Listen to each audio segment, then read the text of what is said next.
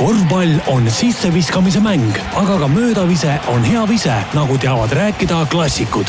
õigel hetkel aitab aja maha võtta ja asjad selgeks rääkida Optibett, sest algamas on korvpall kahekümne nelja taskuhäälingu saade Möödavise tere ja toredat kolmapäeva ütleme kõigile korvpallisõpradele kahe tuhande üheksateistkümnenda aasta kahekümnendal novembril Nõmmelt Manta Maja stuudiost. möödaviske saate juhtidest on täna stuudios istet võtnud Karin Aldo ja Siim Semiskar, kuid mitte Marko Parkonen ja sellel on ka lihtne põhjus.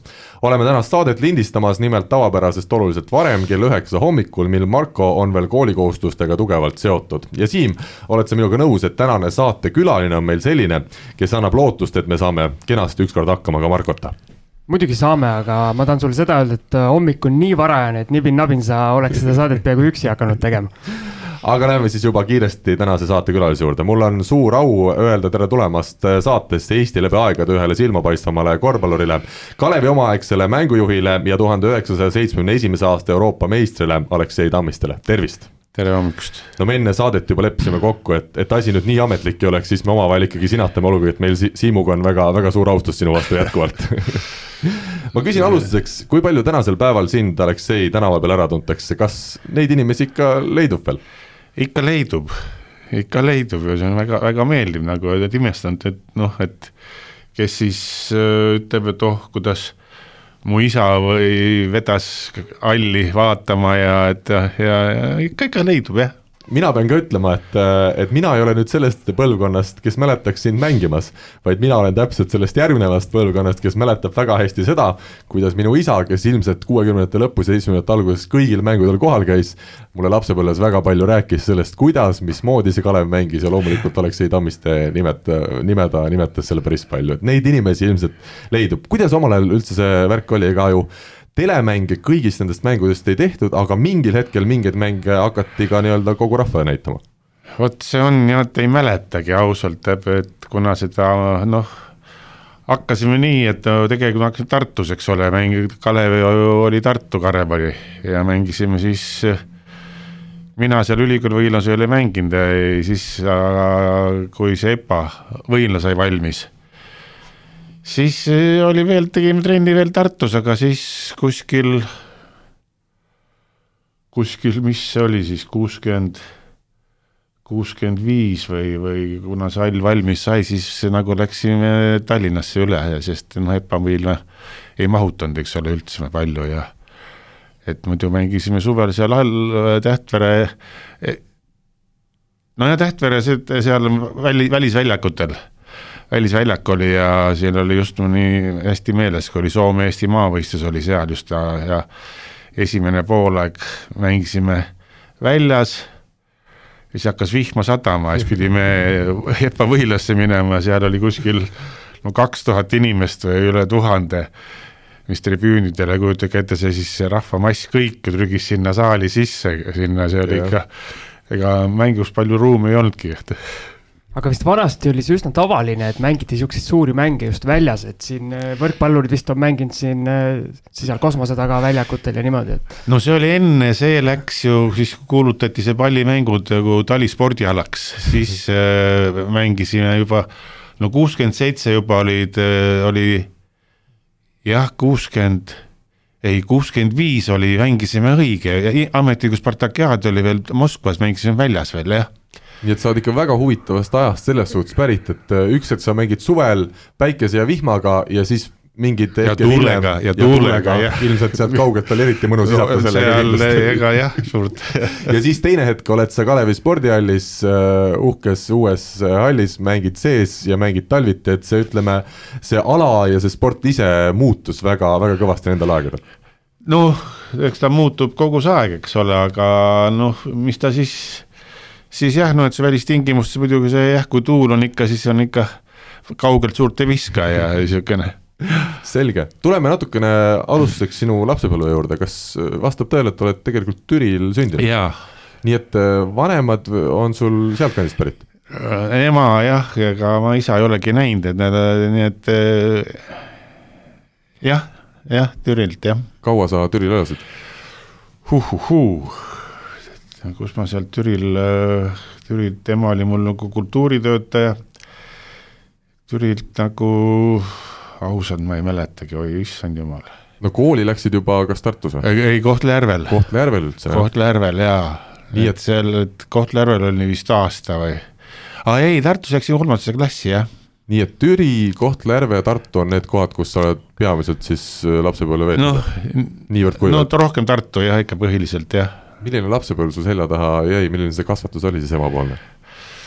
no ega, mis ta oli, ma olin rohkem nagu üksi olin kodus, ema tihti ära ja ja noh, ise mõtlengi, et minu nagu suguvõsas, eks ole, nagu ei ole enne mind ega peale keegi ei ole mind nagu suurt niisugust korvpalli või sporti väga tegi keegi teinud, noh mm. -hmm.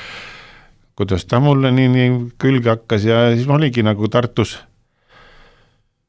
noh, läksin juba hommikul, läksin juba kooli ja siis võimlasse ja siis lasti ja ja no õpetaja Arand oli väga niisugune vanem, vanem, vanem noh, lubas ühesõnaga jah, ja siis oli seal, veetsingi enne kooli seal võimlas rohkem aega. jah, et see oli, ütleme, paratamatu lapse elu osa, et, et see sport nagu käis sinna juurde. noh, jah, see käis, kui ema veel, veel tegelikult viis veel muusikakooli tegelikult. sinna ma tahtsin veel jõuda kusjuures viisin muusikakooli, aga klaver ja klarnet jah? ja kla-, noh, klaveritund, aga siis öeldi, aga ei, klaveritund juba, see kohad on täis, et kas sa klar-, klarnetit ei taha mängida, no mul oli seal ükskõik mida, ma ütlesin, et okei okay,, et ma võin seda ka mängida, aga see läks nii, et ma keerasin, hakkasingi seal võimlas käima rohkem, et see muusika ema ei teadnud tükk aega midagi aga kuidas selle musikaalsusega oli, et oli nagu seda ka antud?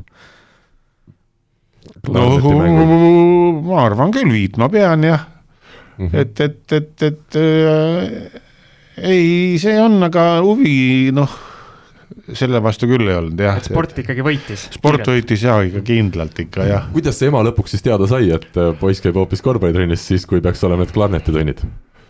no ma ei tea, kuidas see nii, ega ta väga nii sellest numbrit ei teinud, et jah, et aga mis hetkel ta, ütleme, rõõmu tundis või aru sai, et ilmselt see korvpall poisile sobibki väga hästi?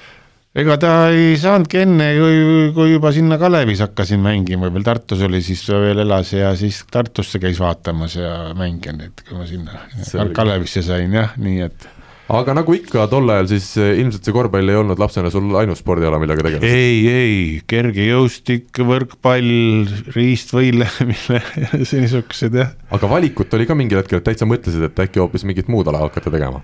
ei olnud ausalt, oli, mida ma pikemalt tegin, oli siis nagu kergejõustik ja korvpall oli mm. -hmm. nii, ja võrkpalli ka, nii. mis alad kergejõustikus kõige rohkem meeldisid? No seal tegime kõike, eks ole, aga kõrgust hüppasin ja siis kõrgust. Mul on isiklik rekord nüüd meeter kaheksakümmend viis. mul on meeter kaheksakümmend, siin on kohe häbi, endise kergejõustiklasena on kohe häbi siin stuudios olla praegu. Ja siis oli veel see rull, rullstiil, eks ole, ja, ja, ja, ja siis okei okay., no meil tuli isegi olümpia, üks olümpiavõitja seitsekümmend kaks seal ja. sellel alal, nii et äh, õnneks leidus ka sellel alal mehi, et sa said nagu korvpalliga rahulikult tegeleda. ütleme, Kruusid, Lõssovid olid meil korvpalli sees ilmselt siis, kui sina üles kasvasid, äh, kas ilmselt jah. kas sellised, äh, ütleme, nimed olid ka tähtsad, et, et korvpalli ei, ei, ei olnud üldse, ei teadnud midagi, noh. pigem, et endale meeldis lihtsalt mängida nii kõvasti, jah? mängis mängida ja siis Kalev hakkas seal äh, trennis käima ja ma ei tea, kuidas siis või kes mind nägi, ega ma tegelikult noh, noortes ma väga ei mänginud kuskil kaasa. ai jaa, Sokk oli ju esimene treener. Sokk, August Sokk August oli Sokk. esimene treener oli seal ja siis hakkas, tema hakkas seal koolis, esimeses keskkoolis seal trenne andma.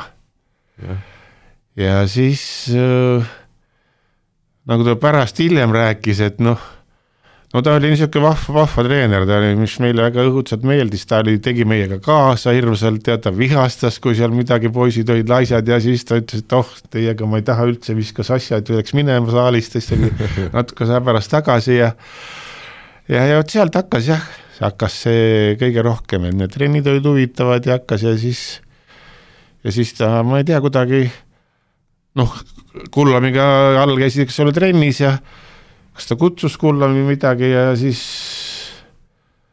kui Kullam nägi ja ütles, et noh, kui sellest mehest korvpallurit ei tule, siis ei ole asi õige, et, et, et oli juba siis juba väga nii et sul pandi kohe pinged peale alguses? ei no, no, no mul oli, et ma tahtsin kogu aeg võita, aga see oli ju, see oli ju veel noh, tükk aega veel vanades ka, kui trennis ka tahtsid kogu aeg võita ja kõik, ega siis ega mul platsi, mängu ajal platsi peal sõpru ei olnud ju.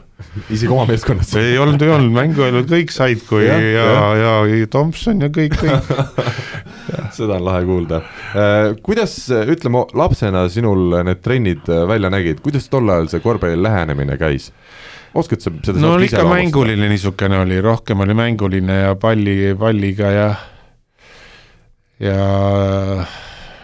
et õpitigi mängu käigus, ütleme kõige rohkem või? no, noh, õpiti, eks ole, tehni-, seda põrgatamist ja söötmist ja tehnikat algus ja kõik ja siis oli kogu see aeg hakkas, nii läks edasi. kui palju sa trenni tegid noorena, kas oligi ikkagi nii, et mingist kolmandast-neljandast klassist oligi, et põhimõtteliselt iga päev oli korvpall üks sinu päeva osa või? Noh, korvpall oli sellepärast igapäevine osa, et need, kui korvpallitrenni ei olnud, siis ma ikka läksin sinna Viilasse ikka ja võtsin palli ja said visata, kui, kui oli seal vaba oli.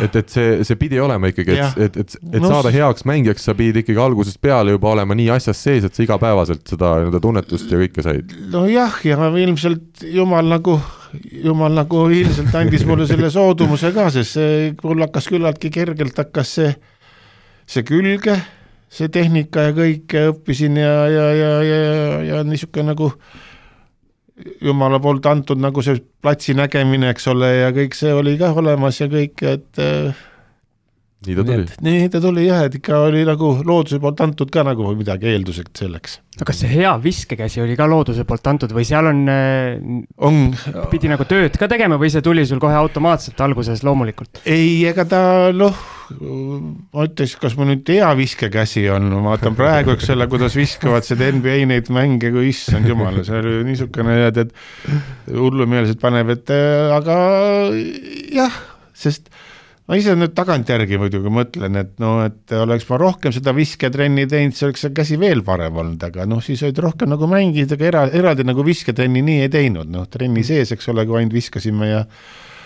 ja nii, et eraldi, edasi nagu palju nagu ei olnud niisugust eraldi trenni jah, aga mis mind huvitab alati, on ka see jõusaali pool, kuidas tol ajal sellele jõule läheneti, palju seda üldse näiteks noorpõlves tehti kooli ajal?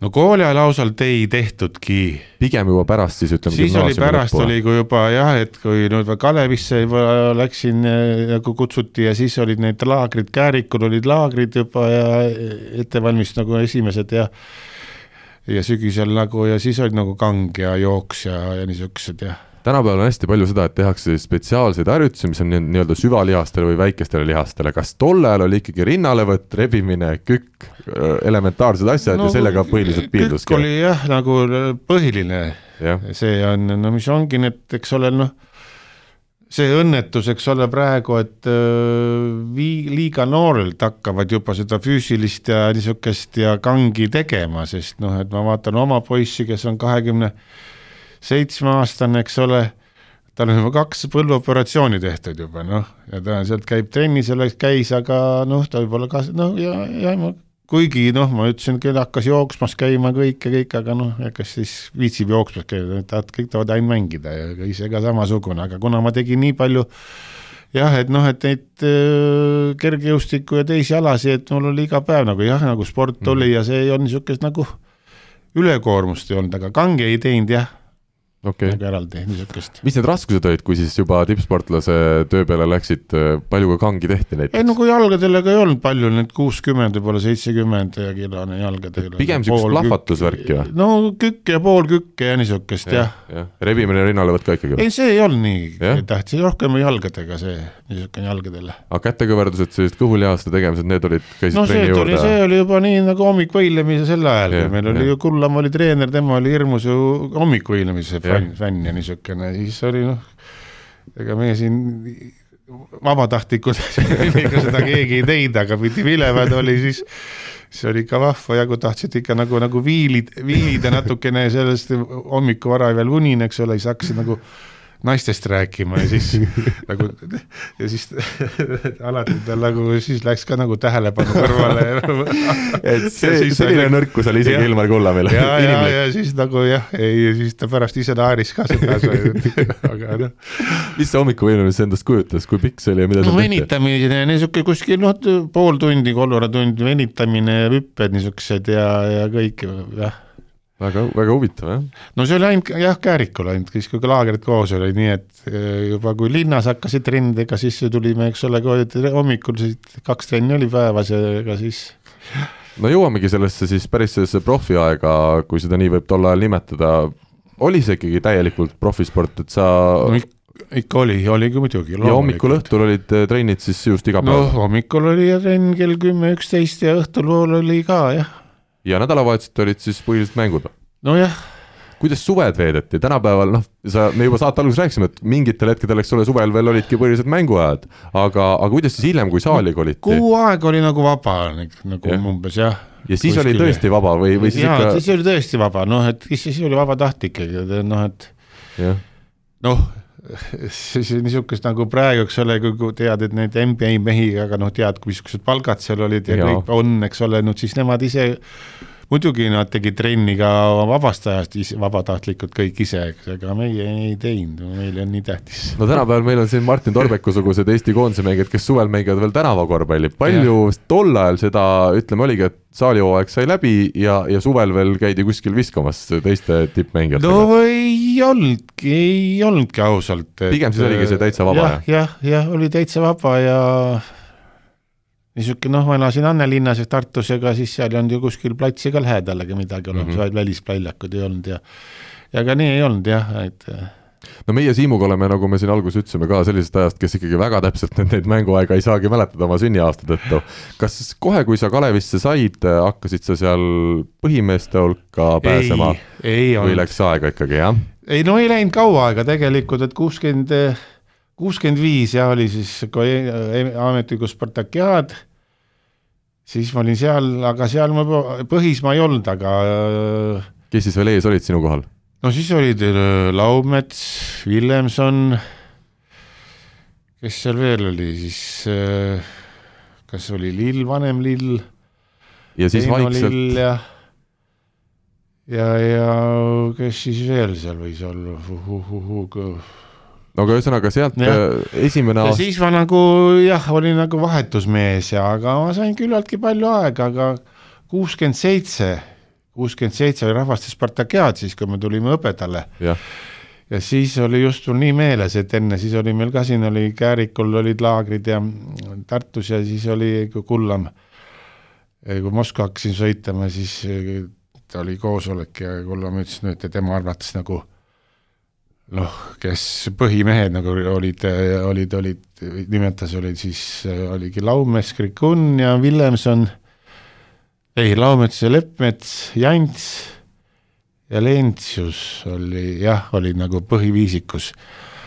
aga Laumets nagu kukkus, ma ei tea, mis, ta kukkus nii see Spartakiaadis ära ja siis sai no küllaltki ruttu nagu peale esimest mängu juba, siis olin ma põhis. ja sinna sa jäid oma karjääri lõpuni? sinna ma jäingi jah ja.. kuidas tol ajal niisugune nii-öelda nagu taktikaliselt, kui suure rotatsiooniga üldse mängiti, et äh, palju oli neid mängijaid, kes reaalselt võisid loota, et nad mängu jooksul väljakule üldse saavad? sellest Kalevi võistkonnast siis? noh äh,, no ikka kuskil seitse-kaheksa niisugune noh, kui oli kergemad, olid siis ka üheksa, eks ole, kuskil jah, ikka.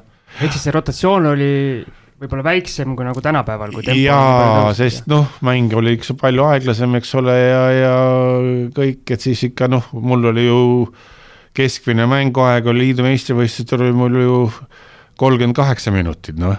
läbi hooaja, jah ja sa oled ise öelnud, et, et tänapäevase tempo juures ilmselt sellist ei, ei oleks kannatanud. no see see tempo on ju nii kõva füüsiliselt jah, et noh, nüüd on ju meil, eks ole, kui tulid need esimesed pikad kaks viisteist, see on Andreev, kes need olid niisugused ka aeglased ja noh, need, nüüd on nüüd kaks viis, need võivad taga mängida juba ja kõik mängivad ju. Nagu seal on, eks ole, NBA-s mängivad lätlased ja Markan on ja no sina mängisid ju siis, kui kolme punkti viske Ei olnud- ei olnudki veel. palju olnud. sa ise sellele mõelnud oled, et oleks see veel varem tulnud, siis Kalev, kes ju teatavasti oligi väikeste meestega, mängis ja ja tihti vastased, kus olid suured kollid ja kogu see mäng käis ainult, et anname palli korvi alla ja kuidagi sealt äkki need punktid tulevad.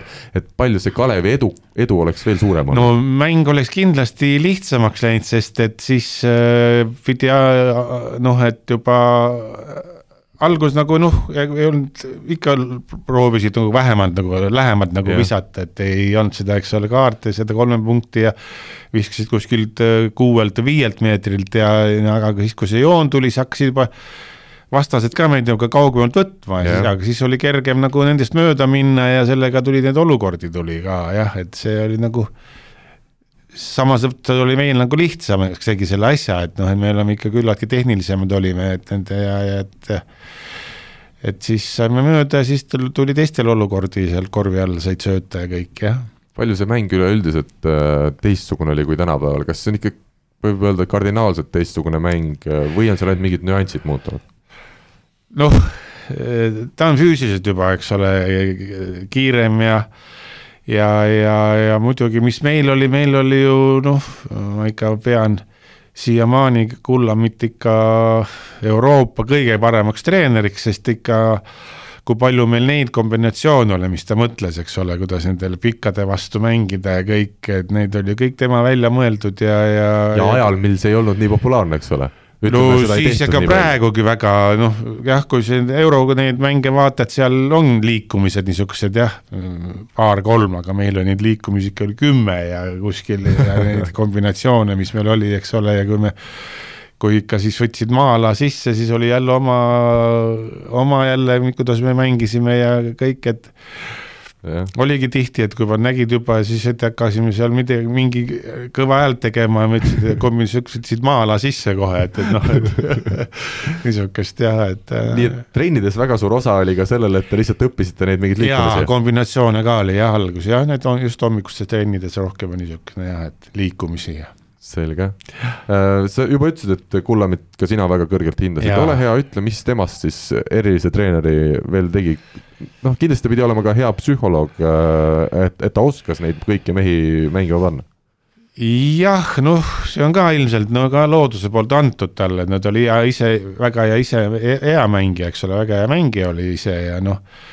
Autoriteet, jah. ja aut- ja autoriteet oli ta jaa kõva, sest oli noh, Leppmets, eks ole, mängis temaga, need vanemad mehed andsid, ta mängisid koos ühes võistkonnas küll kõik, aga aga autoriteet oli nendelegi tagasi hästi, nii et jah, et sa oled öelnud ühes intervjuus, et ega ta väga tihti kiidusõna ei öelnud, et alati ta isegi pärast mängu ütles, et ah, ikka oleks võinud natuke paremini ja, ja oligi, oligi nii, et äh, mäletage, ma ei tea, miks ta jah, ükskord ma sain alguses kiita ja ja peale seda ta ei ole pidanud ja siis läks nagu mingi järgmine mäng aia taha ja, ja see oli mingi treeningmäng oli mingi Lätis käisime ja jah.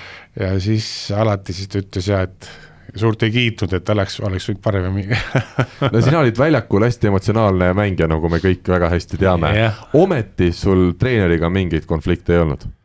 ei, temaga ei olnud jah, temaga ei, ei olnud, ta oli ikka nii suur autoriteet ja ta ikka noh, ja ta ikka jagas ikka väga. jah aga ma tuleks korraks, korraks tagasi sellesse hetke, kui sina tulid noorena sinna Kalevisse, et eh, kuidas need vanemad mehed sind vastu võtsid, et eh, noor mees tuleb, tahab nende kohta nii-öelda ära ampsata, et? Ei olnud niisugust, ei mäleta küll, et midagi nagu noh, et nagu vastutööd hakkas või mingi, aga see on ikka loomulik asi, eks ole, et sa püüad üle mängida ja, ja, ja ja, ja siis ega äh, ei olnudki selles, eks ole, kuidas sa nagu ründes mängis, algus oli ju kõige tähtsam oligi see, et kuidas sa kaitses mängid treenerile et juba siis oli siis see olnud jah, et sinu, jah, et sinu punkte nagu algul ei, ei tahetagi jah, et üldse jah, et, et kõik põhirõhk oli kaitsemängul. ja kuidas sulle see sobis, see kaitsemäng no, kaitsemäng mulle sobis jah, sest ma ikka aitasin kõvasti ja, ja, ja, ja sellega noh, ja sellega ma saingi sinna põhisse ka. Sest Et- ega ma veel Spartakiaadil, rahvaspartakiaadil, ega ma ka siis väga veel punkte ei toonud nii. et põhimõtteliselt noormängija valem eh, jah, oli siis eh, Kaitsemäng. alustada kõva kaitsega kõige nagu. kõva kaitsega, see nagu treenerile jääb, jääb kõige rohkem silma ja, ja tundub, et eh, seesama asi on kandunud nagu tänapäeva korvpalli ka, et no vot öeldakse, et kõva kaitse äh, ma kahjuks, aga kahjuks nad need, äh, noored treenerid ei, ei, ei näe seda, niisugust asja ei nõua mm -hmm. väga. jah, see noorte treenerid, et see on see probleem mm. -hmm. ja muidugi suur probleem on see, et jah, et noh, et me olime ju tegelikult, elasime ju väljas rohkem ju ka ju.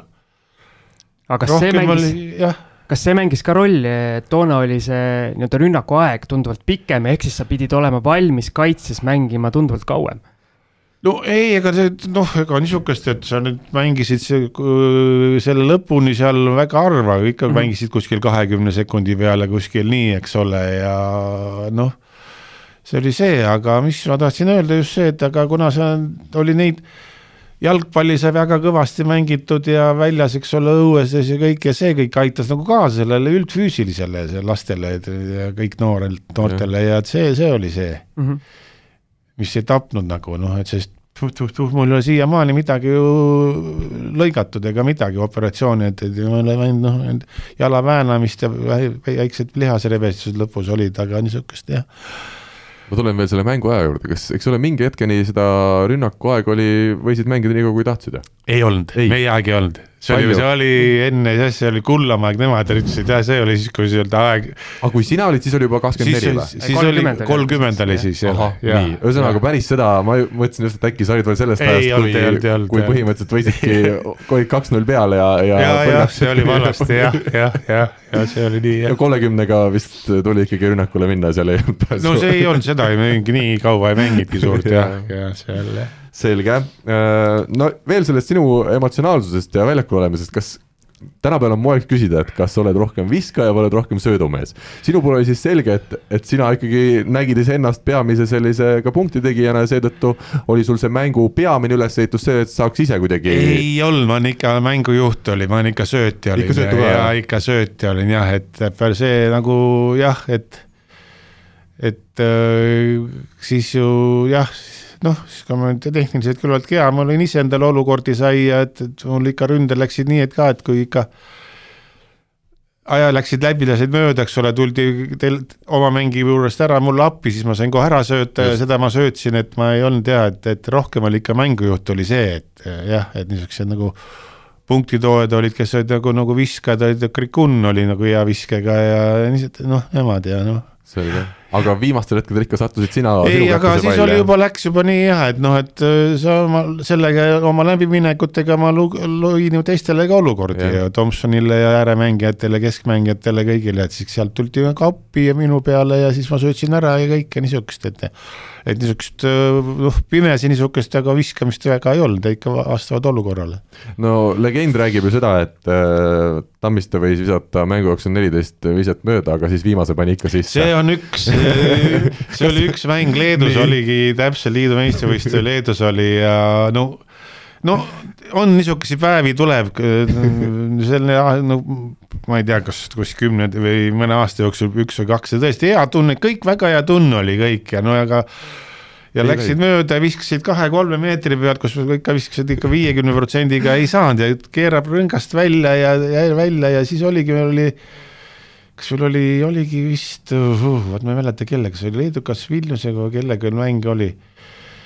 ja siis oli noh ühega olime vist taga ja, ja Kulla võttis aja, seal oli kuskil kolmkümmend sekundit ja nii. ja oli, et Thompsoni peale et liikumine kõik, et meil oli nii, et jah, et kaks, kahene kate Thompsonile, et ta saab sealt visata ja ka no kõik juba võtsid ju kahe mehega teda kinni ja, ja mul oli, no jäi lihtsalt olukord vabaks ja ma no pidin viskama ja, ja siis viskasingi sisse ja võitsime ära ühega ja siis oli jah, et kolmeteistkümnest üks, lehes oli suur pealkiri oli aga ütleme, see viimaste hetkede pealevõtmine, et see kuidagi käis sinu selle mängurolliga tihti kaasas ja teisalt sa ei olnud ka selline põdeja tüüp, et kui visata tuli, siis visata tuli, eks ole. ja ei no seda küll jah, ja sest pall ikka käis ju läbi minu kogu see aeg, et pall oli ikka rohkem minu käes ja mina ju juhtisin ja noh, söötsin ja kõik, ega okay. noh, seda oli nagu, ma ütlen, see jah, nagu jumala poolt antud mul oli ja, ja seda trennisid juurde ka sai tehtud jah sa väljakul olid mängujuht ja liider nii-öelda,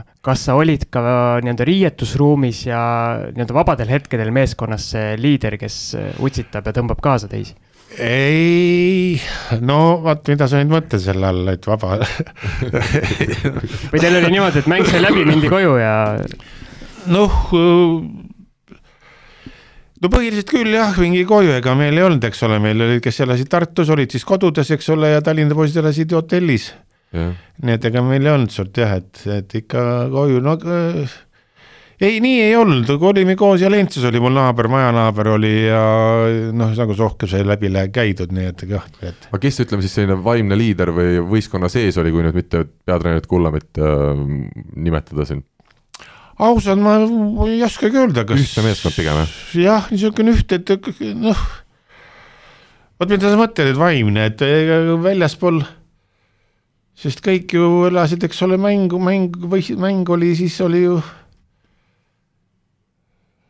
ei oskagi nii öelda või noh, mina tulime ja. Tartus või Tallinnas üle, siis noh, mis ole, Tallinna, Tartu asi tar, Tallinnas, eks ole, seal hotell Tallinnas ja ja siis noh, jah, üks kui teine, et paranda, paranda mind, kui ma nüüd eksin, aga mingil hetkel otsustati, et meil on ikkagi ühte tagameest vaja juurde ka mujalt ja võeti Harkovist selline mees nagu Kofanov, kas oli nii? Või oli see oli hiljem? see oli hiljem. see oli hiljem, siis mu lugu see juba oli läheb... tükk, jaa, siis minu ajal ei tulnud, minu ajal tuli ainult, tuli Abeljanov, Viktorov Aha, viimastel aastatel ja pikad jah aga kuidas sina, ütleme ise noortesse suhtusid, kes äh, peale tulid, äh, kas ikkagi nendele said ka palli jagatud või siis? ei, ei, sai muidugi, loomulikult ei olnud midagi, siin oli ju Tiks, eks ole, tuli kes seal, Brossmann ja kes seal olid, eks ole, kes seal veel ja, ja ei aga noh, nad jah, suurt nagu mänguaega nagu minu aeg noh, siin ei saanud, aga ei, see, see ei olnud vahet, et ega mänguplatsi peal ma nägin ikka seda, kuidas olukord oli, kes oli vaba ja kes siis sinna pidid söötma kui sa tõid juba selle Mihkel Tiksi nime sisse, et see kuulus korvpalliromaan, et ütle nüüd ausalt, kui palju on seal tõde ja kui palju on seal fiktsiooni? no eks ta kõvasti liialdas küll jah ja seal oli niisugust jah eks palju niisugust oli, ega ta oli ju nojah, ta oli niisugune omamoodi mees oli, niisugune jutumees oli muidugi hea ta ja kõik ja, ja, ja aga no mis tal oli nii, et no see oli pärast juba, noh, kui ma lõpetasin, siis kui oli see, kui ta mängis seal ehitajas ja, ja, ja Kalevis ja siis tema oli niisugune mees, et ta kodus väga mängida ei julge, ei tahtnud. noh, ta ei tahtnud halvasti mängida ja siis ta nagu ei olnud endas kindel, siis ta väga nagu platsi peale väga ei tahtnud sinna minna, no, no nii oli, no niisugune mees oli ta, ma seda ja, et, et väljaspool ta küll oli kõik nagu oli julgem, et, et ma ei tea jah midagi. aga mäletad sa, kuidas sa ise seda raamatut lugesid? ei mäletagi ausalt, et äh.... aga oli see raske lugemine või kerge lugemine? Ei olnud raske, et midagi seal. aga ütleme, sellist äh, pettumust või sellist asja ei olnud, et pigem. Äh, ei olnud, ausalt, ei küll, ei, ei, ei, rohkem nagu naermist oli. ja, ja küll seal ikka head ka kirjutati. jah, jah, jah, ei, ei midagi jah. selles suhtes ka okei okay, kõik. jah. mul on veel see küsimus, et äh, vähemalt nii-öelda legendidest tolle hetke nii-öelda tippkorvpallurid Eesti mõistes olid ikkagi megastaarid. et äh, millal sina tunnetasid, et äh, sa oled tõusnud nagu kuskile nii-öelda kõrgemale levelile? muidugi see sõna megastaar vist tuli palju hiljem see tuli siis, kui see Tallink, Tallink sõitma hakkas. see, ma ütlen sulle kohe, see tuli päris. päris kiiresti see tuli kiiresti juba siis, kui äh, Tallinnas hakkasime mängima, hotell Tallinnas elasime, siis kui seal all restoranis söömas käisime, siis iga õhtu kuradi oli mehi, kes tahtis meil kõvasti välja teha ju kurat, noh. juttu tuli ja see oli see. kuidas jalad kahe, kaks jalga maa peale sellises olukorras jäid, kui kogu, kogu rahvas kas imetles? jäid üldse? no ikka jäid, noh muidugi oli libastumisi oli, aga, aga see oli no siis, kui oli, oli paus mängudest nagu kõige, muidugi ikka oli libastumisi, kõike oli ja ja aga niisugust, kõik tahtsid ikka juttu ajada ja kõike ja põhiline siis oli, tahtsid kõvasti välja teha ja et, aga Kullamist hoidis teid ka ikkagi ohjes, et noh, seal pidi olema selline väga selge kontroll või ütleme, mitte kontroll, vaid enesekontroll siis, et. no trenn muidugi, üks asi see ja, ja noh, oli, ma ütlen, oli neid, oli rikkumisi ja kõik ja, ja aga ikka see austus ja ikka sa ei, vahele ei tahtnud kuidagi talle jääda, ega ja seal, kui me Tallinnas hotellis elasime, no tema oli, elas ka seal, ega ta ei käinud ju meid õhtuti kontrollimas, tema ei käinud. Mm. -hmm. aga Kuidas... kas see, jah, ma segan siin vahele Karlile, et Ei, kas see nii-öelda staariks olemine või see, et kas kui kõik läheb hästi, siis on kõik positiivne, eks, aga kui saite mõne mängu tappa või midagi, mängisite ise kehvasti, et kas nii-öelda julgete seda ka öelda, nii-öelda ütlema tulla? ei, rahvas nagu, ei need äh, fännid nagu see, see tuli rohkem, oli siis lugesid lehest või mida, kuulsid raadios seda asja, kui, kui, kui kõik jah, oli niisugune aga et inimesed, kes nii-öelda otse tulid suhtlema, need olid äh, ei, alati olid väga sõbralikud ja positiivsed ja ikka ergutasid ja kõik ja väga jah ja.... aga kas mingi hetk hakkas see tähelepanu ja see nagu väsitama ka? no ta nii suur ei olnud ausalt mm, -hmm. et ei noh, ikka eestlased on, ega isegi kui teavad, ega välja ei näita väga. ei no jah, ega nii, nii hull ei olnud, sest me ikka ausalt käisime Tallinnast, Tallinna hotell Tallinnast ikka, kui mängupäev oli, Lentsusega läksime jala halli suur, eks suur, suur maa küllaltki pikk, rahulikud ja, ja ega seal suurt keegi nagu noh, ei mäletagi, et oleks sul nagu nii tänava peal nagu peatuvad ja hakkavad juttu ajama, see oli kus, kui saalis oled ja kuskil niisuguses kohas, jah. aga kas see kuulsus läks nagu Nõukogude Liidu peale laiali ka või piirdus see nagu Eesti, Eesti piiridega? noh, ma ei tea, sealt Nõukogude Liidu koha pealt ma ei tea, noh kindlasti see korvpalli seal, kus seda mängisime, eks ole, nendes linnades, siis äh, teati küll meid kah, jah, kindlasti, aga ei, see ei olnud see nii, seal ei käinud väga nii ringi, aga. ja kui praegu on nii-öelda, kui me vaatame Baltikumi, siis Leedu on nagu väga suur korvpallikants, Läti on nii-öelda viimastel aastatel väga kõvasti tõusnud, Eesti on jäänud kuidagi kolmandaks. kuidas sinu ajal oli?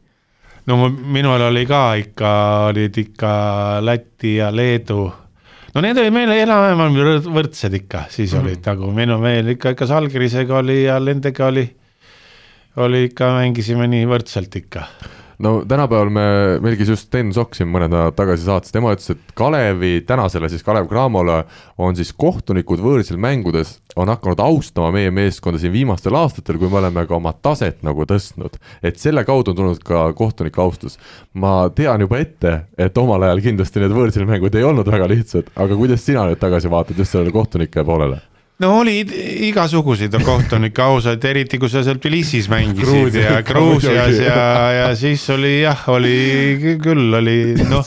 seal oli vast-, vastasmeeskonnal oli mitte viis meest väljakul, vaid oli kaheksa samasärki või no, seitse. siis oli kaks kohtunikku, siis ei olnud kolm jah et äh, olnud, aga no neid oli harva, neid oli kah noh, oli, aga no siis rohkem nagu vene kohtunikud olidki ja et aga seal olid ka nagu paremaid ja, ja halvemaid kohtunikke ja kes nagu niisugused, Davõdov oli üks, kes oli juba ma, hakkas läbi rahvusvahelisi mänge vilistama, tema oli niisugune küll, vilistas hästi, ei, ta ei suurt jah yeah., ja tunnistas oma, kui ta, on meeles, et tunnistas kolme tehnilist, kolm korda oleme tema käest tehnilist saanud ja siis ta ütles, et ta nägi videost, vaatas üle ja, ja kolmest kaks oli mul õigus, mitte temal. Tema tunnistas seda, tema eksis siis jah, et niisugune noh. milline mängumees sa olid, kas sulle meeldis nii-öelda kohtunikuga nagu väga palju diskuteerida? ei, ei noh, muidugi ei olnud rahul, kui midagi vahele jäi, ta ei näinud ja niisugust ei noh, no ei olnud aegagi selleks, ega pikalt mm. ei lastudki aga kuidas treenerina Kullam oli, kas ta üldse lubas mängijatel minna seal kohtunikuga rääkima või, või ta pigem suhtles ise? no ise, aga ta väga ei suhtlenud ka, ta oli ikka noh, pärast tuli need noh, Sokk ja need nagu oli väga, Kreevald olid, siis need olid väga häälekad ja nagu olid rohkem nagu juttu oli, Kullam ei olnud niisugust jah. aga Gruusias siis ikkagi vilistati mõned mängud ära täitsa või?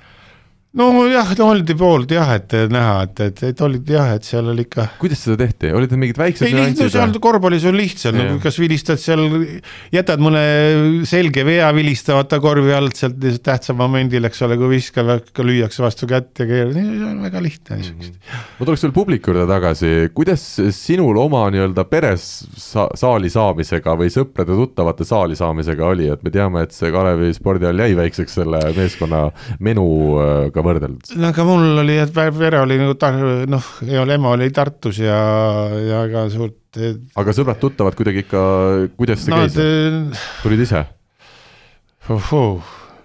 jah, ega meil ei olnudki niisugust kutseid ausalt ja nagu jagada ja seal, sest noh, siis ei mahtunud, eks ole, tehti see nagu suveks, kui ehitati sinna tsirkusetribüün otsa sinna Tõnise väljakutele, jah noh siis võib-olla mm -hmm. midagi sai, anti meil me pääseda, ma ei mäletagi jah, see oli siin noh, kui seal ameeriklastega mängisime, siis just see oli nagu, jah.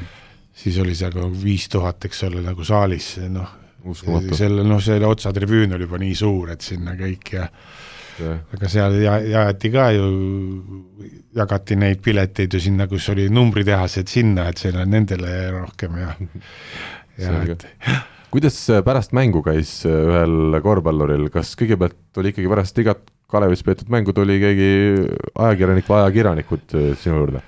ega ajakirjanikud, kui tulid jah, et et küsima ja ja siis pärast seda läksid pesema, tulid siis- välja, kas siis seal väljas ootasid veel mingit korvpallisõbrad ei ka? olnud nii, niisugust ei olnud jah. et said ikka rahulikult koju, minna ja juba, jah? ja ei olnud niisugust jah.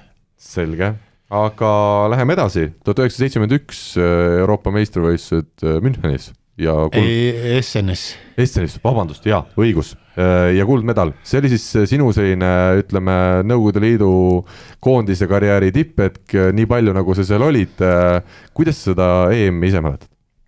ei noh, see, et ma jah, et ma nii vähe seal olin, et see oli minu enda lollus tagantjärele sa ütled seda, jah? täitsa enda lollus, sest ma tahtsin nagu hakata seal ka mängima, nii nagu ma Kalevis mängisin, eks ole, aga sealt oodati mu käest, oodati minult nagu rohkem just neid mängujuhtimist ja niisugust ehk siis sul oli sama olukord, nagu oli paarkümmend aastat hiljem Tiit Sokul, et, et Nõukogude Liidu koondises oli ikkagi peamine roll see mängu juhtimine just. ja, ja jah, no Tiit on niisuguse iseloomuga et ta väga nii, aga noh, aga ma olin jah, nagu ründes oli, ma tahtsin, mul oli just, et esimene laager, kui mind kutsuti peale seda Spartakiaadi oli noh, oli Koomersk oli veel siis treener, olid just välissõidud olid Brasiilia, Uruguay, Brasiilia ja vot siis oli mul niisugune ka, et no et äh, viskad, kus kurat, oi vabandust, viskad, ei, ei läinud sisse Jah, kõik ja siis ma nagu söötsingi kogu see aeg, noh ja söötsingi ja kõvasti ja ja seal ma sain, olin, mängisin põhis mm -hmm. tänu sellele just, et ma just olingi söödumängujuht ja see oli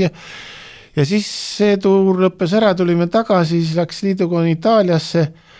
Vot sealt ma hakkasin nagu viskama, rohkem nagu viskama, eks ole.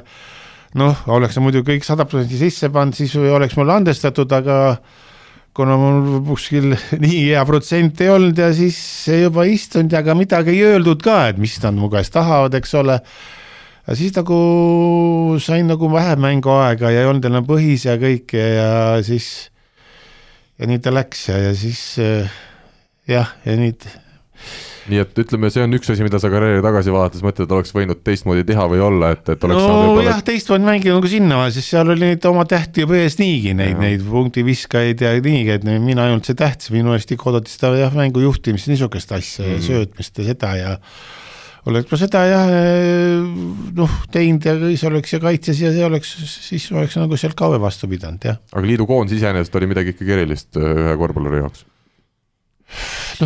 Mis sa mõtled nagu erilist et sai, ütleme, välismaal käia esiteks no., nojah, jah, jah, et sai muidugi välismaal käia jah, et see oli ja see ikka tol hetkel oli ju nii-öelda maailma korvpalli täielik tipptase ju. jaa, oli küll jah, ja noh, ja Euroopa korvpall ei olnud ju nii kõva siis veel ka, et jah, et siis käidud sai Itaalias ja Prantsusmaal ja seal nendes käidud Jugoslaavias ja igal pool käidud. kas Prantsusmaalt, Itaaliast on tänaseni mõni asi kodus veel või, mis sai toodud? Ei ole ka siis, ei, no ei ole ausalt, no see ikka nii ammu see on nii ammu jah Äh, mis kõige rohkem endal Nõukogude Liidu sellest koondise perioodist äh, meeles on või kas midagi sellist äh, äh, head huvitavat kogemust? ei olnud niisugust ei olnudki, need, need jah, need sõidud välismaal ja need mäng, mängud niisugused, niisugust nagu.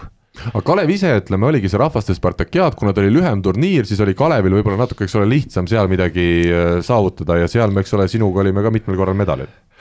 no seal tulime esimesed kuuskümmend seitse tulime hõbedale ja järgmisel tulime äh, pronksile, jah, jah, et et see nagu meil jah, et see nagu ajastus oli parem ja ja muidugi kuuskümmend seitse oli see ka, et siis ta tulid ju liidukoondis tuli esimest korda liidumeistriks ja, või maailmameistriks tulid ja, ja, jah. ja siis eks teil see treenimine läks vist kah nagu nendel vene meestel nagu on meelest ära ja, ja nad on kõige paremas vormis ka, sest noh, Moskva, Moskva linna koondis, eks ole, seal oli kuus liidukoondise meest, eks ole, kui nad said meid kindla paki meie käest selle Šatakiadile, siis, siis, siis oli see näitas juba midagi, jah aga liidu meistrivõistlustel, eks ole, Kalev, kas sinu ajal oli kas neljas koht parim? viies oli vist või oli neljas ükskord ka, aga muidu alla kuuendat me suurt ei kukkunud jah mm. -hmm. et te olite hästi stabiilselt oma ja, selle koha peal, aga esikolmikusse oli ikkagi maru raske saada? jaa, siis ikka pikkusega löödi jõuga ära jah, seal oli aga kas sa ise tundsid ka, et ütleme, mingil aastal oli ka liidu meistrivõistlustel täiesti reaalne šanss, et nüüd äkki jõuame ka medalile? ei olnud ausalt, ega nii ei mõelnud pigem siis tuli võtta iga mängu kui ühte ja, ja konkreetselt. ja ikka, ikka läksid võidule, kuidas tuli, eks ole, ja, jah. no see jah, jah, ega ja. nii ei mõelnud, et medalile. selge, aga aeg lendab, nii nagu ka sinu äh, karjäär on äh, lennanud ja, ja meil on aeg võtta üks rubriik siin ette küsimusmängu toetaja on teamshield.com oma disainiga spordi ja vaba aja riided nii, Siim, küsimusmäng ja, ja seekord meil on kohe eriti huvitavad sõnumid kuulajatele öelda. jah, et eelmine kord meil oli, oli stuudios Tallinna Kalevi ääremängija Karl-Juhan Lips ja tema kohta tahtsime teada, mis on äh, noore mehe lauapallide rekord Eesti-Läti liigas äh, oskad, Aleksei, öelda või pakkuda õiget vastust? nüüd praegu või? just noormängija või no oleneb, mis positsioonil sa mängid. ääremängija. ääremängija, nojah, jah, jah. Eesti liiga ei ole kõige tugevam liiga maailmas. ei, no kui võtta ja siin Balti liigat, ega. eelmine hooaeg tehtud ja vastaseks no, oli. võib-olla nelja-viie, kui selle paik, noh, nii ma arvan kuskil neli-viis või kuus või väga, väga palju. korrutame selle kolmega ja, ja saame õigegi vastuse. jah. lauapallide rekord Karl-Juhan Lipsul on üheksateist mis see vastane kas oli? kas see oli, mis liigas? Eesti-Läti. aa, Eesti-Läti liigas, aa, no see on juba jah, jah, jah. tuli tulemus ma nagu jah, ma praegu enda järgi, sest ma mängisin taga, eks ole, mul oli ka ju keskmine oli kuus lauapalli noh mängust ja niisugune ühesõnaga, ühtegi õiget vastust meil ei tulnud, küll pakuti kahtekümmend ühte, küll pakuti vist oli viisteist, kuusteist, mis meil need pakkumised tulid. tundub, et internet oli inimestel terve selle nädala ära, et ei leidnud seda õiget vastust. kuigi hästi lihtsalt äh, meie oma korvpalli kakskümmend neli portaalis otsingusse trükkides äh, Karl-Juhan Lips ja üheksateist oleks selle uudise kohe üles mm. leidnud. Äh, ühesõnaga, Team Shieldi auhinnasärki välja me seekord anda ei saa, kuid otsustasime, et äh, anname selle särgi välja meie Facebooki grupis. loosimise kaudu. loosimise kaudu, mille me siis äh, lähipäevadel ka püsti paneme. aga uue nädala küsimus loomulikult puudutab Aleksei Tammistet ja kõige huvitavam on see, et ega sa treenerina ju mingeid suuri võistkondi ei olegi juhendanud, küll aga ei saa me öelda, et sa ei oleks kuulsaid mehi juhendanud, sest sa olid Draamateatris siis meie näitlejate treener kohe mitmeid aastaid tuli ja räägi kõigepealt see alguslugu, et ma saan aru, et, et alguses, kui sa läksid sinna trenni, need kõik kuulsad mehed mängisid hoopis võrkpalli. Need, need võrkpalli mängisid jah. nii, aga sina siis võtsid palli kätte, ütlesid, et kuule, korvpall ju püsib. no ja võrkpall on niisugune spetsiifiline mäng, et seal, kui sa oskad, siis sa saad naha märjaks ja siis oleks seal huvitav, aga kui sa seal mängid poolteist tundi, oled ära ja nahka märjaks ei saa ja siis mis sa seal käid, ega näitajatele ka, eks ole, seal füüsilist koormust on nendel ka vaja ja siis ma ütlesin, et kuule, et nüüd lõpetame ära, et eks hakkame siis korvpalli, no aga seal oli siis on mehed, kes ei olnud korvpalli jälle näinud nagu Mikki Verid ja vennad. Nad olid kindlasti näinud, aga nad, nad ei mänginud. nad ei olnud jaa ja siis. ja siis ma võtsin nad end paar alguses esimesed treenid olid nii, et ma õpetasin sammude pealt viskamist ja, ja siis kuidas visata ja, ja siis võtsin nad. ja kui tennis hakkasin mängima, siis võtsin nad enda poole peale, siis ma mängisin kaasa nende poole peale ja siis ja teisel poolel olid siis, kes olid nagu korvpalli seal jah, aga siis oli teine jälle muidugi ja kohe siis olid paar meest nagu kukkus ots ära, läksid ära, loobusid sellest trennist nagu yeah.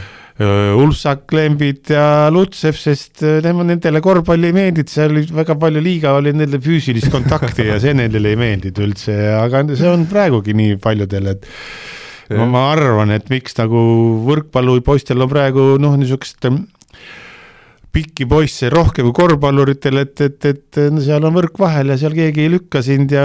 Kui sa oled oma mees. jah, no oma mees, ka harva, kui sa komistad tema peale midagi, nii. see on see jah, et äh, paljud ei taha niisugust füüsilist kontakti ja, ja, ja aga siin mõned nimed sul käisid läbi, aga kes olid veel eh, seal nii-öelda kuulsamad näitlejad, keda sa said juhendada? no seal oli Ulfsak Lembit, Lutsep, eks ole, Veimanit, Veiman oli, aga kes käis meil trennis, oli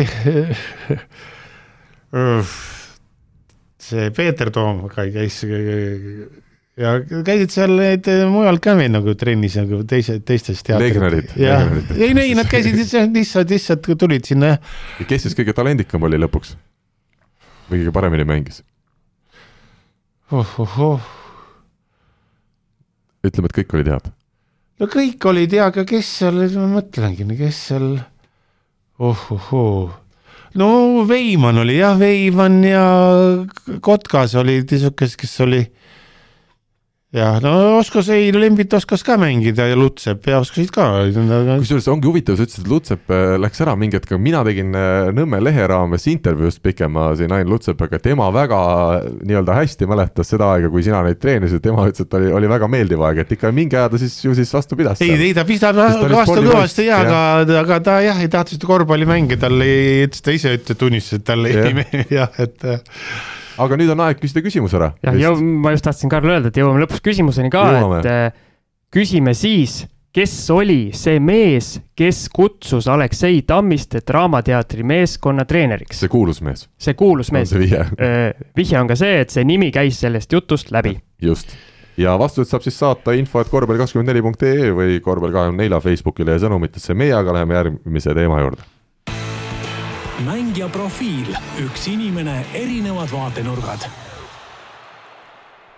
Äh, mängija profiil on meil selline koht, kus me üldiselt räägime ühest konkreetsest mängijast, kas sinul, Aleksei, on selline endal lemmikmängija omast ajast, praegusest ajast, kellele sa oled läbi karjääri kuidagi erilise huviga silma peal hoidnud?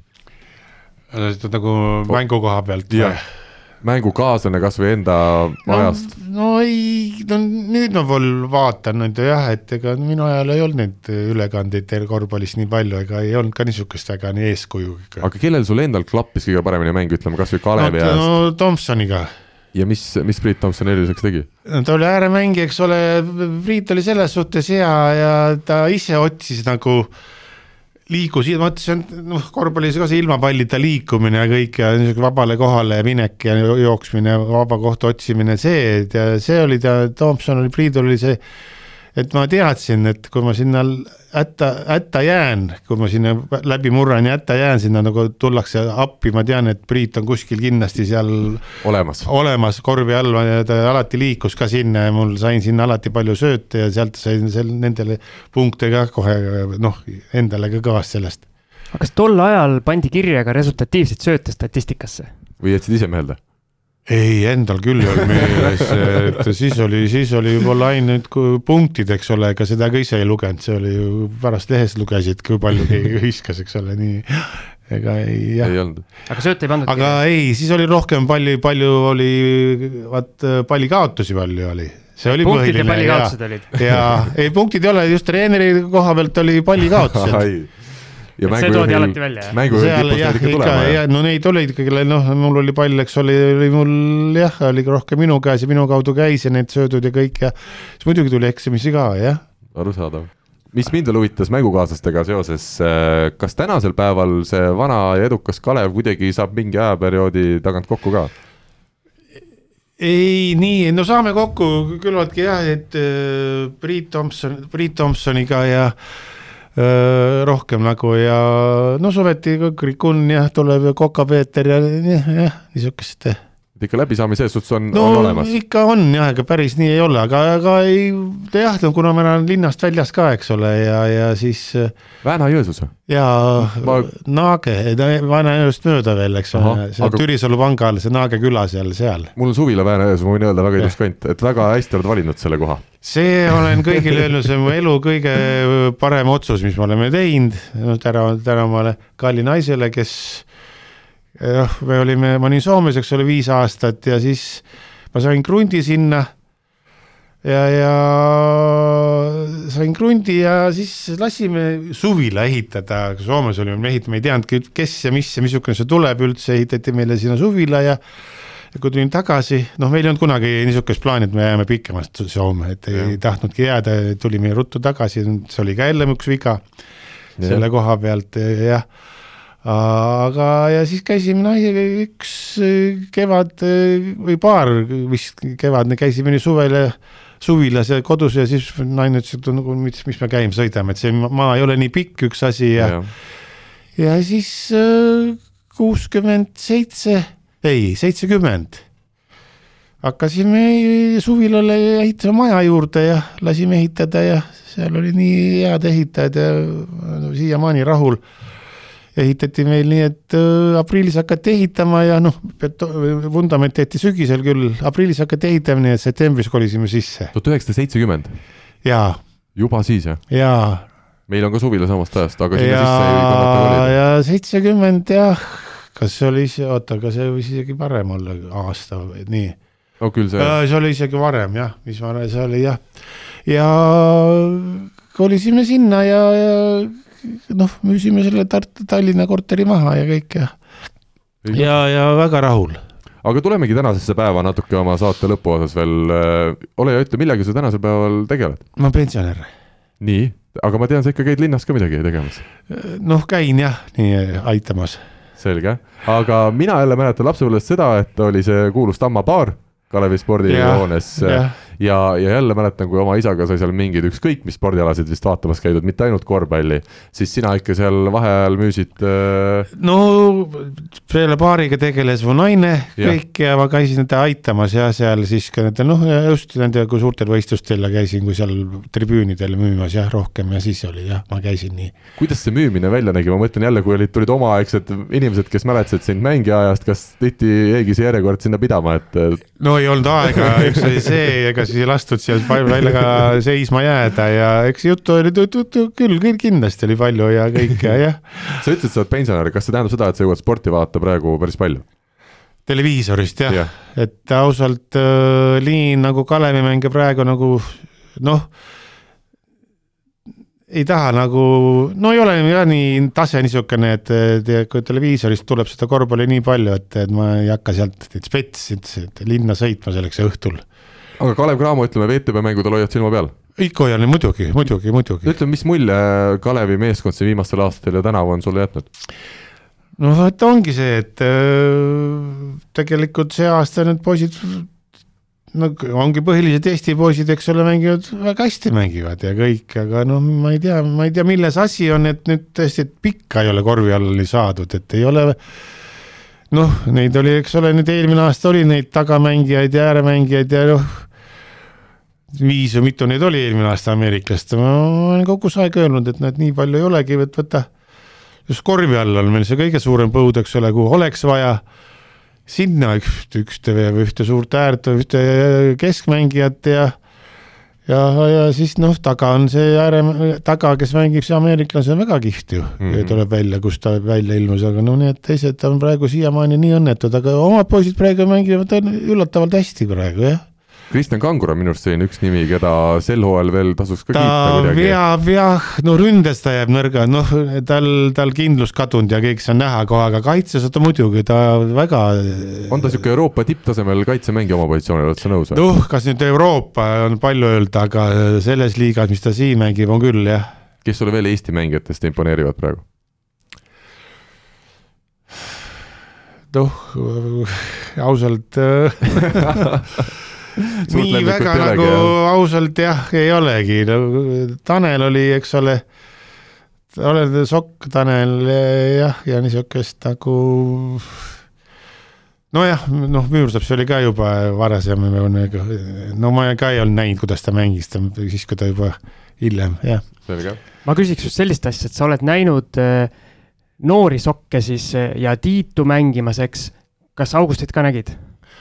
jaa, nägin küll jah kas äh, kogu sellel äh, nii-öelda liinil on mingeid ühiseid jooni, kas nad on ühesugused mängijad, on neil mingeid äh, ole erinevusi?, no ei ole, August mängis ju rohkem, tema on nagu ääremängija, rohkem tema korvi all rohkem mängis tema.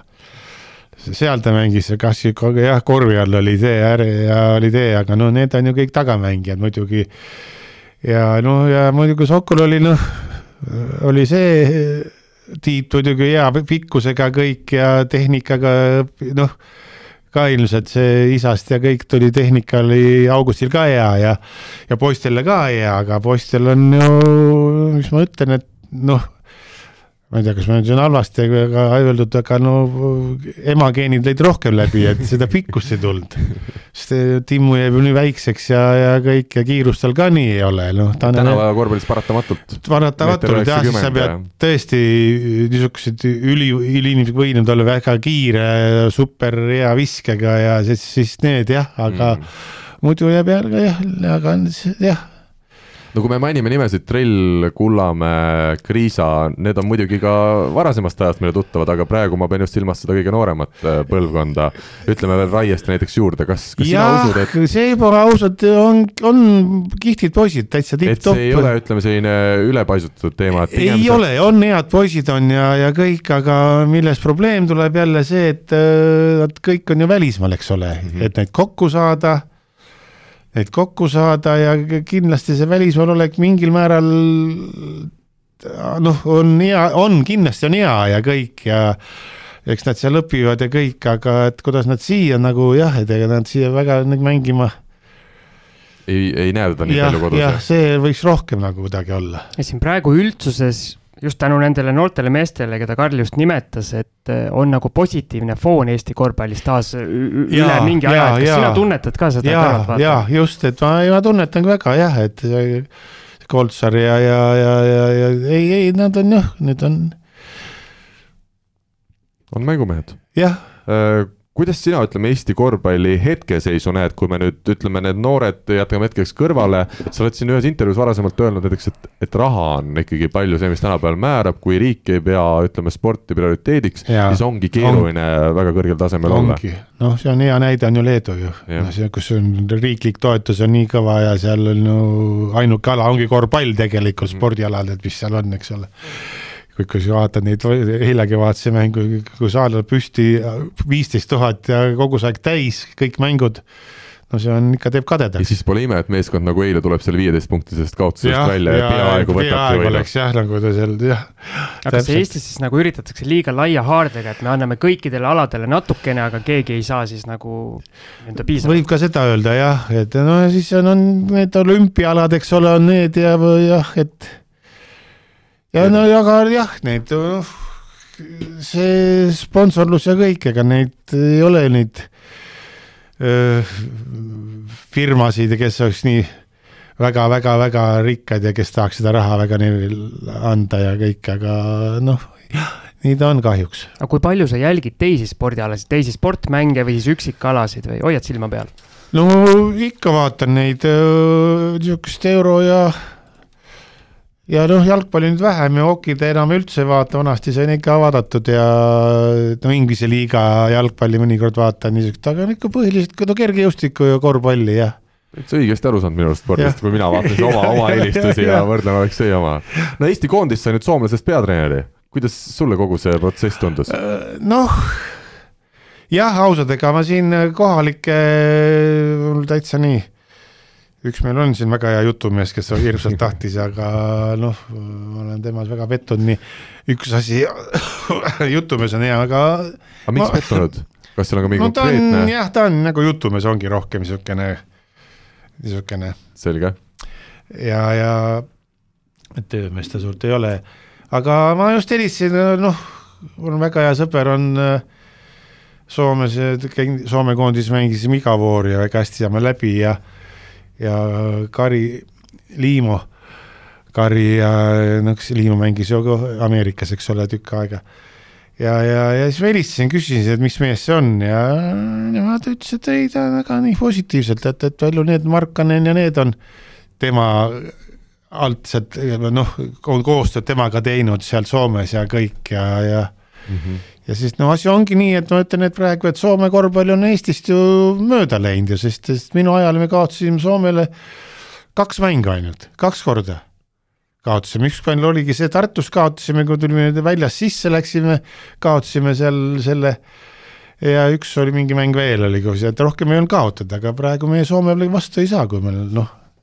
ma just tahtsin küsida, et just sinu ajal või tähendab nüüd, kui see uus treeneri teavitus tuli, siis paljudel inimestel tunduski, et kunagi käisime justkui meie siit üle lahe käisime korvpalli õpetamas soomlastele ja, ja nüüd tullakse nagu vastupidi, et mis on nagu, mis aga on juhtunud? aga ei olnud neid noh, ei ole neid uusi noori treenereid nii peale Tiidu ausalt ja väga no kull, Kullamäe ka on nagu enam-vähem ja noh, Kuusmat ma nii ei tea väga, ei noh aga no ju siis ei ole nii ka, kui ta ei ole läbi löönud, aga Kullamäe ja jah, ja ja noh, ei ole neid uusi jah, nii, niisuguseid treenereid, kes selge, aga mulle tundub, et saate äh, aeg hakkab vaikselt läbi saama ja lõpetuseks tuleme tagasi natuke alguse juurde, kui me rääkisime alguses muusikast, klarnetist ja klaverist, siis lõpetuseks ma ütlen, et ma kuulasin siin saateks valmistudes seitsmekümne seitsmenda aasta Vikerraadio saadet, kus oli siis äh, iga saatekülane rääkis natukene muusikast ja lasti tema lemmikpalasid. seal tuli välja, et sa kuulasid või sul oli suur kogumik nii ja, kassette kui ka plaate. plaat tuli siis kassette, no teid oli hiljem ka, ei kassett oli, siis olid juba need LP plaadid olid teil. ja siit on hea küsida palju neid tänaseks päevas alles on ja, ja palju neid plaadikogumist tänasel päeval veel tänases maailmas ette tuleb? Ei on, nüüd ma, nüüd on nüüd jälle nüüd on tehnika jälle edasi läinud, mul oli neid VHS oli kassette, oli muusikakassette oli veel, need on mul jah, ja plaate on ka ikka veel üks kastitäis on ja neid on palju ka ära müüdud ka, aga on.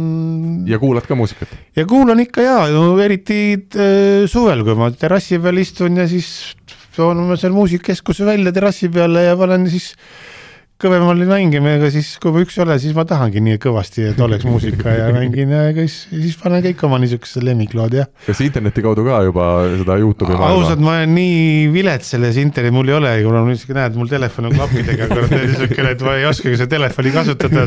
poiss mul ostis niisuguse, ütles, et sul ei olegi vaja, et sa ei, ma ei ole nii, ei jää mul väga külge see internet ega midagi jah aga mis need lemmikasjad on, mis seal terrassi peal sealt muusikakeskusest kõlavad? no mul on tujud, aga väga on James Last, mis mul on, äh, see oli kohe Saksamaalt oli mul jah, James Last, noh, ja esimene oli Tom Jones muidugi ja Humperdinck Tom Jones, James Last ja niisugused jah et ikkagi nii-öelda omaaegsed. ja omaaegsed ja, aga no tee või tahad, et hakkavad need noh, natukene hiljem need, need on need laulud siiamaani, mis löövad väga, noh, no Robbie Williams ka, eks ole kelle oma nüüd noh, ka mul on seda. Eesti muusikat ka kuulad? Nad laulavad kõik inglise keeles ja kõik ja, kes mul jah, Lettland mulle kõige rohkem meeldib ju Lettland. ja ei, need on vahvad, meie laulud ka, need on nii noh, no ma olen ise nagu mõelnud, vaata, et see on meil ka need, eks ole tahavad kõik, noh, see võib olla loogiline, tahavad kõik nagu ise muusikat teha ja, ja, ja teha, aga ma mõtlen, noh, et kui sa nii nagu eeldustega nii kõva nagu Lepland, ta võiks ju Tom Jonesi lugusid laulda, nagu noh, see tuleks tal nii hästi ja. et head lood on justkui nagu ette tehtud, et no, ainult laula, jah? ainult laula tõesti ja oleks tal noh, noh, ma ütlen, oma tehtud lood, tal on see Kuul on väga hea lugu ja, ja muidu ta on väga kihvt ja need kõik laulud, aga noh, jah, no nii ta on, see on, see on minu arvamus, eks ole, nii, et jah vot selliste sõnadega on hea seda saadet lõpetada, kes siis kuidas, kes paneb Tom Jones'i, kes paneb Engelbert Amperdinki ja kes paneb äh, Ott Leplandi siin pärast saadet omal äh, mängima. Äh, Aleksei Tammiste oli veel kord suur au ja rõõm sind siin stuudios näha ja tervitada, tore, et leidsid aega tulla. ja, ja kõike head paremat sulle tulevikuks no,. aitäh kutsumast ja mul oli ka väga meeldiv. suur tänu ka minu poolt. ja ilusat päeva jätku kõigile kuulajatele. aitäh teile ka